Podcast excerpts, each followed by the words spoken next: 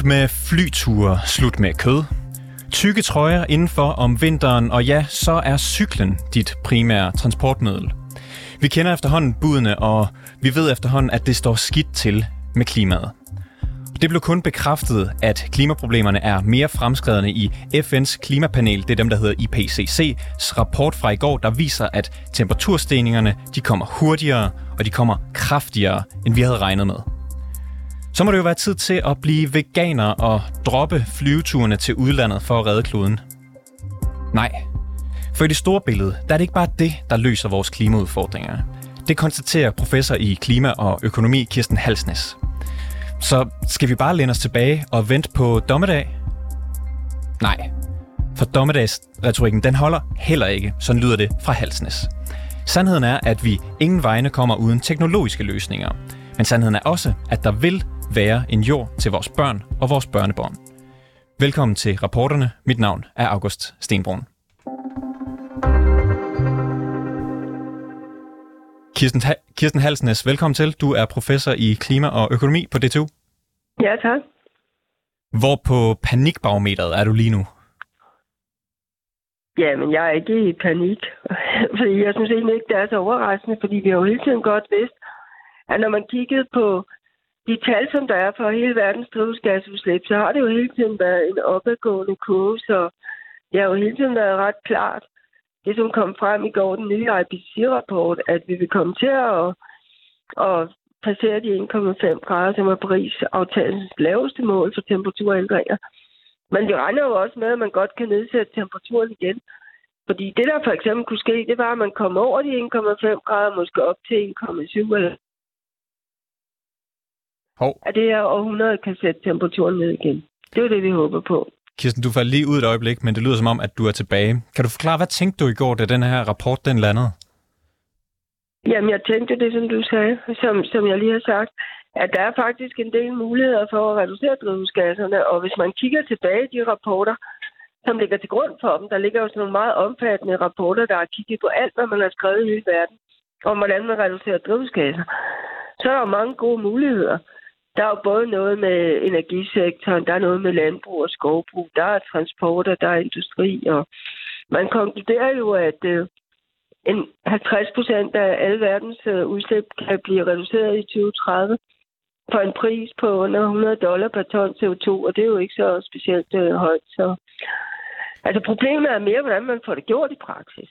Altså hvordan man får folk med på det, og hvordan man får afskaffet kul og olie og gas og få den øh, energitunge industri til at omstille sig. Det er jo egentlig mere det, det handler om. Du siger, der, der er ikke meget, der er nyt i den her rapport, men altså, det, har jo, det har jo været et ret dystert billede, der blev malt i, i går af eksperter og i nyhederne. Er der ikke noget, der har rykket sig? Er der ikke noget nyt i den her rapport? Øh, altså, sagen er jo, at en rapport som den her, den skal bygge på de rapporter, der tidligere har været. Den blev også kaldt en synteserapport. Så den skal drage nogle konklusioner på basis af de tre grupper, man har i IPCC, som er klimafysikken, og på to, den er om øh, klimaændring og klimatilpasning, og nummer tre, som jeg har været aktiv i, er omkring, hvordan du kan reducere drivhusgasser. Så på den måde synes jeg ikke, det er så, så rystende. Avisen Information de skrev for et par timer siden, at vi har fejlet på baggrund af rapportens konklusion om, at Paris-aftalens de her 1,5 graders mål formentlig vil være overskrevet allerede inden for 10 år, og at øh, uanset hvor meget vi sætter ind for at reducere drivhusgasudledningerne, så vil den her globale opvarmning fortsætte i hvert fald til 2040. Er det en overdrevet konklusion? Nej, altså, fordi det har jeg også selv sagt. Altså, det er jo, øh, det er jeg jo enig i, at øh, at det vil nok være omkring 10 år fra nu, at man vil komme ud over de 1,5 grader. Men øh, at man så samtidig skal fortsætte med at, at sætte ind med endnu større reduktioner, end man har haft før, det er jo også konklusionen, og det er jo også det, som, øh, som vi så vil arbejde på, og, og komme med alle mulige øh, undersøgelser, der kan vise, at det faktisk godt kan lade sig gøre. Vil du kalde det en katastrofe, det her? Ja, øh, det, det er jo ikke den slags ord, jeg plejer at... Altså nej, det synes jeg ikke. Der er mange synes, andre eksperter, er- der står i kø for at kalde det en katastrofe. Hvad er det, de ser, som du ikke ser? Eller du ser, som de ikke ser? Altså, jeg mener ikke, det er eksperterne, der gør det. Hvis jeg skal sige det helt ærligt, så er der jo mange mere politiske kræfter, som altid øh, taler et meget alarmistisk sprog, som for eksempel en katastrofe. Men det er jo ikke den slags sprog, vi bruger. Det, som vi gør, når vi er øh, forskere og øh, altså videnskabsbaseret, det er, at vi kigger på, hvad er det for konkrete ændringer, der vil ske med klimaet? Hvad er det for faresignaler, der er? Og der er der jo for eksempel, at hvis man kommer over de 1,5 grader, så kan der blive... Øh, så kan der blive en udryddelse af meget biodiversitet, og koralrevne kan være truet. Man kan få hedebølger, og man kan også få flere oversvømmelser. Det er den slags ting. Det er jo ikke noget med, at planeten går under eller en katastrofe. Det er nogle ganske specifikke, konkrete ting, der kan ske. Og så man bliver nødt til at handle for at undgå. Også de små øh, østater kan også blive oversvømmet. Når man sad som, øh, når man sad som borger i, i går og kigget på, på den her rapport, der blev udlagt i, i medierne, så kunne man godt tænke, at nu, nu er det altså ved at være tid til at droppe kødet og, og flyveturene. Mener du, at, at det er nok til at, at stoppe den her øh, klimakatastrofe, øh, der på vej? Nej, fordi at øh, det vi også talte om i går, i de øh, pressemøder, der var, det er jo, at hvis, øh, hvis vi skal have temperaturen til at, at blive nedsat igen, hvis den passerer de 1,5 grader, så skal vi jo til at øh, have meget større reduktioner af udslip, og vi skal også have negativ drivhusgasudslip. Og det kan man jo få, hvis det er, at, øh, at man kan begynde at deponere øh, øh CO2, og hvis man både kan deponere CO2 i biomasse, og man bagefter kan tage det ud af røggassen, når man brænder det, så, øh, så er man jo nødt til at gøre. Men det, jeg vil grund til at sige det, det er, at øh, det er jo ikke noget med, at det er nok at lade være at spise øh, kød, eller, øh, eller lade være at flyve. Hvis du skal nå, at hele verden har nul drivhusgasudslip, og måske endda en negativ drivhusgasudslip, så skal man jo bruge alle midler. Og så er det teknologien for eksempel. Hvorfor er det så central en del af, løsningen? Jo, men øh, det er jo fordi, at øh, den største kilde til drivhusgasudslip i verden, det har jo været energisektoren. Og der er det jo øh, fossile brændsler som kul, olie og gas. Det er jo der, at drivhusgasserne kommer fra. Så der er man jo nødt til at sørge for at lade være med at have og kraftværker, for eksempel. Og i stedet for at have øh, solenergi eller vindenergi, vandkraft og andre vedvarende energikilder. Så det er jo ret oplagt. Det ville jo være ret dumt at blive ved med at brænde kul af i kraftværkerne og så sige, at nu skal bare lade være at spise oksekød. Fordi at de største udslip i verden, de er fra, øh, fra energisektoren. Så man bliver nødt til at bruge nogle teknologier til at komme, komme det til livs. Kender vi alle teknologierne, der skal nå os øh, i mål? Nej, men øh, inden for energisektoren, det er jo faktisk ret interessant, og det gælder meget tydeligt i Danmark også der er, at de fleste vurdering er jo, det er ret nemt at reducere drivhusgas. Vi har faktisk teknologierne der. Så der, der er det ikke så svært. Inden for landbrugssektoren, der er det jo lidt sværere, fordi vi har jo drøvtykkerne. Det er jo øh, altså øh, alt, hvad der kommer fra oksekød og får og geder. Det, de, øh, de har nogle specielle udslip af, af metangasser, som er en meget stærk øh, drivhusgas. Og der har vi ikke nogen smart teknologi lige nu, så vi kan lave op på fordøjelsesprocesserne i de der dyr. Så øh, det er noget, man arbejder meget intensivt med forskningsmæssigt. Så er der også inden for øh, for eksempel øh, skibsfart og fly. Der vil man jo gerne have nogle øh, syntetiske brændsler eller nogle biobrændsler for at undgå øh, drivhusgasser. Og det er noget, som er meget på forskningsfronten i øjeblikket, og se, hvordan du kan producere det på en god måde. Man har jo for sig løsninger, man har bare ikke det billige og, og, øh, og stort tilgængelige løsninger på de områder. Men landbruget er nok den sektor, hvor man mangler mest forskning og udvikling for at virkelig nemt at kunne ændre på tingene. En af, en af konklusionerne fra IPCC-rapporten, eller i hvert fald noget af det, man tog derfra, det var, at man skulle gå i gang nu. Kan man øh, vente på, at der kommer de her teknologiske løsninger i landbruget? Har vi råd til det? Nej, men man skal bruge alle de teknologiske løsninger, der er til rådighed allerede. Hvis man læser i Klimarådets rapport, så er der jo mange ting også omkring, øh, hvordan man øh, kan effektivisere energiforbruget i landbruget, og der er også noget med gyldehåndtering og biogas og alt, alt, alt den slags. Det skal man selvfølgelig i gang med. Og så vil det være godt, hvis man omlægger landbruget, så man har mere planteproduktion øh, frem for kun animalsk produktion. Så, øh, og samtidig vil det selvfølgelig spille en rolle, at folk de sammensætter deres øh, mad på en anden måde. Men det drejer sig ikke kun om for og imod kød. Der er meget stor forskel, hvilken øh, klimabelastning der er ved forskellige typer af kød. Og som jeg sagde lige før, så er det jo øh, kød fra drøvtyperne, altså oksekød, får og geder, som øh, giver de højeste drivhusgasser. I den offentlige debat lige nu, der er der jo nogen, der, der, øh, der siger, at det er ligesom op til det enkelte menneske, det er dem, der bærer ansvaret for at redde klimaet. Rykker det noget ja. at droppe de her ferie og droppe det her kød? Nej, ikke, ikke selvfølgelig. Jo, rykker det noget, jo. Det, giver, altså, det er jo det, jeg siger, alt skal med. Men det er ikke noget, der alene kan klare det her. Er klimabekymringerne overdrevet? Mm, nej, altså, jeg, jeg synes jo, jeg tror, de fleste mennesker, selvom de vil sige, de vil gøre meget for at, gøre noget for klima, jeg tror ikke, de er klar over, hvor, hvor stort en, et indgreb det er, hvis hele verden ikke må udlede nogen drivhusgasser. Hvad vil der ske, hvis, øh, hvis, hvis, hvis det er tilfældet? Øh, hvad siger du? Hvad vil der ske for det enkelte menneske, hvis, hvis det var tilfældet, at hele verden ikke måtte øh, udlede nogen drivhusgasser? Det jeg tror ikke, der vil ske så meget. Altså i, i Danmark for eksempel, du kunne spise nogle andre typer af kød, og du kunne spise nogle flere grøntsager, hvis det er landbrug, du tænker på. Svinekød for eksempel, det vil de fleste nok ikke. Tænk, det er jo faktisk uh, rimelig klimavenligt. Jeg siger mere for også at fortælle, at det er altså ikke, det er ikke sådan, at, at man ingenting kan.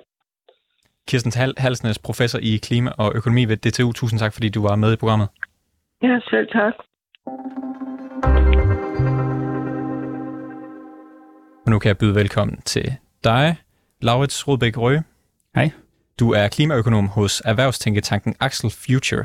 Øh, mener du, at vores personlige adfærd er vigtig for at nå klimamålene? Øh, ja, det mener jeg, den er. Øh, jeg mener, at øh, vi alle sammen har et ansvar for at ændre ved nogle af vores forbrugsting, og så mener jeg også, at vi skal have et øh, venligt øh, puff på vejen fra politikerne. Øhm, langt hen ad vejen øh, kan det løses gennem det, og så mangler vi også nogle teknologier til at få os øh, hele vejen øh, i mål, så vi som forbrugere ikke skal omlægge vores liv fuldstændigt. Hvad kan vi selv gøre? Øh, vi kan for eksempel øh, prøve at skifte til, væk fra øh, nogle af, som Kirsten også lige sagde, nogle af de mest belastende typer øh, hvad hedder det, fødevarer, for eksempel oksekødet, og så spise mere øh, kylling eller øh, svinekød eller fisk.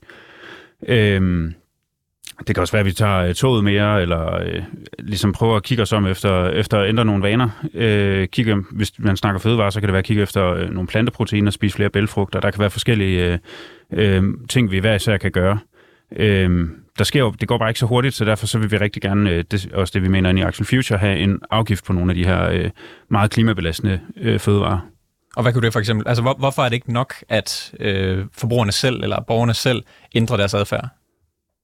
Øh, jeg tror, det er fordi, der er mange mennesker, der... Øh, altså dels kan det være svært, hvis du bor øh, øh, ude, på, øh, ude på landet, hvor der er meget længere til ting, end der er herinde i København, hvor vi står. Øh, som kan være gør det svært at, at se, hvordan man skal klare transporten.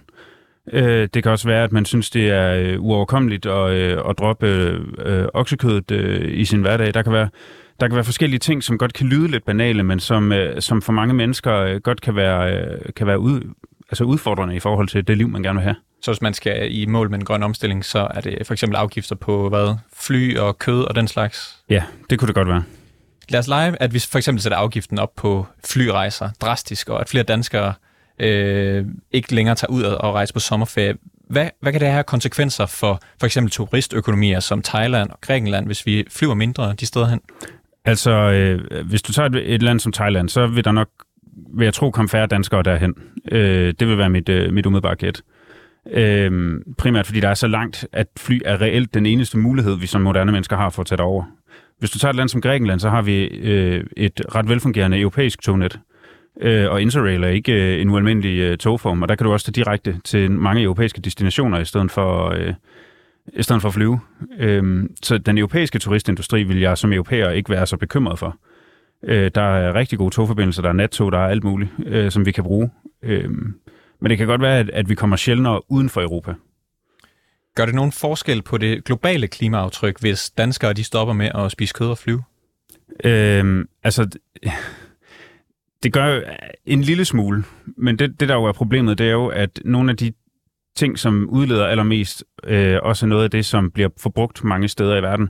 Så en meget stor del af det kød, vi producerer i, i, øh, i Danmark, og det mælk, vi producerer i Danmark, det bliver ikke forbrugt i Danmark, det bliver forbrugt i udlandet.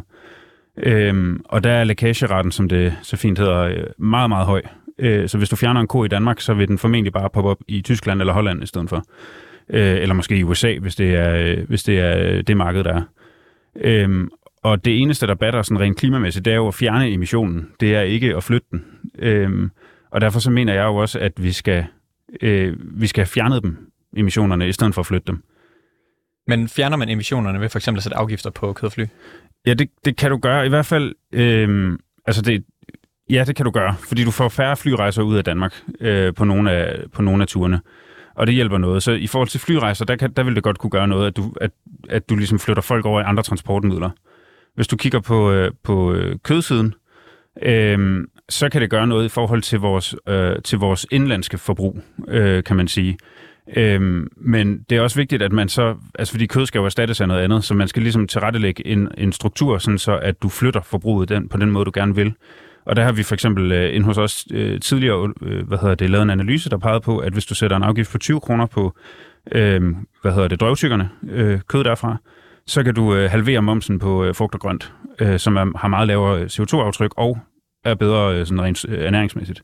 Så det er, altså, det er en afgift, der skal ligge på forbrugerne, altså den her, for eksempel den her kødafgift? Ja, altså det kan, det kan hurtigt blive en lidt langhåret økonomisk diskussion, øh, fordi det billigste samfundsmæssigt, det er også det, øh, vismændene peger på, det er at lægge det på produktionen. Øh, det er det, der giver det mindste tab for samfundet. Øh, men der er, er problemet netop, at der kan komme en konkurrenceudfordring for, øh, for landbruget, hvor, altså hvis vi snakker landbrug for eksempel, hvor du så flytter det i stedet for. Men der er altså CO2-afgifter øh, og kvoter, som rammer direkte på for, øh, producenterne, øh, er et meget effektivt virkemiddel, og også et helt nødvendigt virkemiddel. Så forbrugsafgifter på nogle typer varer er et supplement dertil. Det er ikke, fordi de skal stå i stedet for. Hvilke konsekvenser vil det have for dansk økonomi, hvis vi gennemfører nogle mere sådan radikale klimapolitikker, som for eksempel enhedslistens forslag om at reducere landbrugets udledning med en tredjedel i 2030? Altså, altså jeg personligt tror jeg, at, øh, at det vil gøre, at øh, jamen Danmark kommer selvfølgelig tættere på vores, vores klimamål på 70 procent. Men hvis vi kigger på det i forhold til, at vi skal afbøde klimaforandringerne, altså så er det, som jeg sagde før, så kommer vi bare til at flytte emissionerne til udlandet. Og klimaet er sådan set ligeglad, fordi at den skadesvirkning, der sker af det, der er det lige meget, om CO2-emissionen kommer fra Danmark, eller om den kommer fra Tyskland. Øhm, så på den måde, så synes jeg øh, ikke, at det er et, øh, et særligt grønt udspil nødvendigvis, øh, hvis det står alene. Altså, vi taler jo meget om, om, hvad man kan gøre i Danmark, og vi er jo en meget, meget forsvindende lille del af det globale klimaaftryk. Hvad kan man gøre i Danmark for at gøre noget globalt? Altså, noget af det, som, jeg, som jeg personligt øh, synes er, er, øh, at Danmark kan, det er, at vores øh, vidensniveau er rigtig højt. Vi har nogle øh, helt øh, øh, fantastiske uddannelsesinstitutioner og forskningsinstitutioner, så vi kan udvikle nogle øh, løsninger, som kan eksporteres til andre lande. Altså det kan være cement, som, øh, som øh, det, der hedder cement som Bolborg Portland er begyndt at, at, øh, at bakse med, som har et øh, meget lavere CO2-aftryk end normal cement, men har samme styrke. Øh, det er noget, der fjerner CO2-emissioner, øh, fordi betongen skal nok blive brugt uanset hvad. Der er en kæmpe efterspørgsel på det globalt set.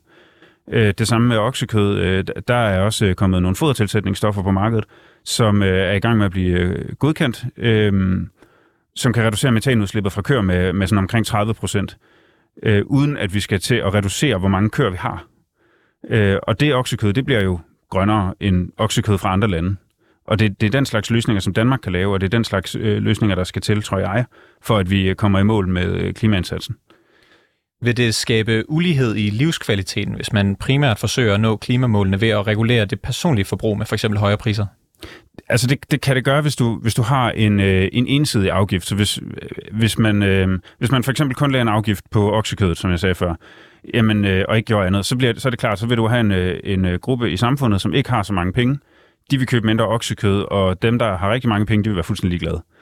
Øh, så det handler ligesom om at, at, at tilrettelægge et afgiftssystem, som er neutralt i den her øh, sammenhæng, så, så, du bare, så du giver folk et skub hen i, i en anden retning. Hvordan gør man det? Jamen det er så for eksempel ved, som jeg sagde før, at øh, hvis du lægger 20 kroner på oksekødet og lammekødet, øh, så, kan du, øh, så kan du reducere momsen til det halve på frugt og grønt. Og man ved fra, øh, fra studier, at, øh, at det virker. Altså hvis du reducerer prisen på, øh, på frugt og grønt, øh, så meget som en øh, halvering af momsen vil være, jamen så stiger efterspørgselen øh, fra det på tværs af samfundsgrupper.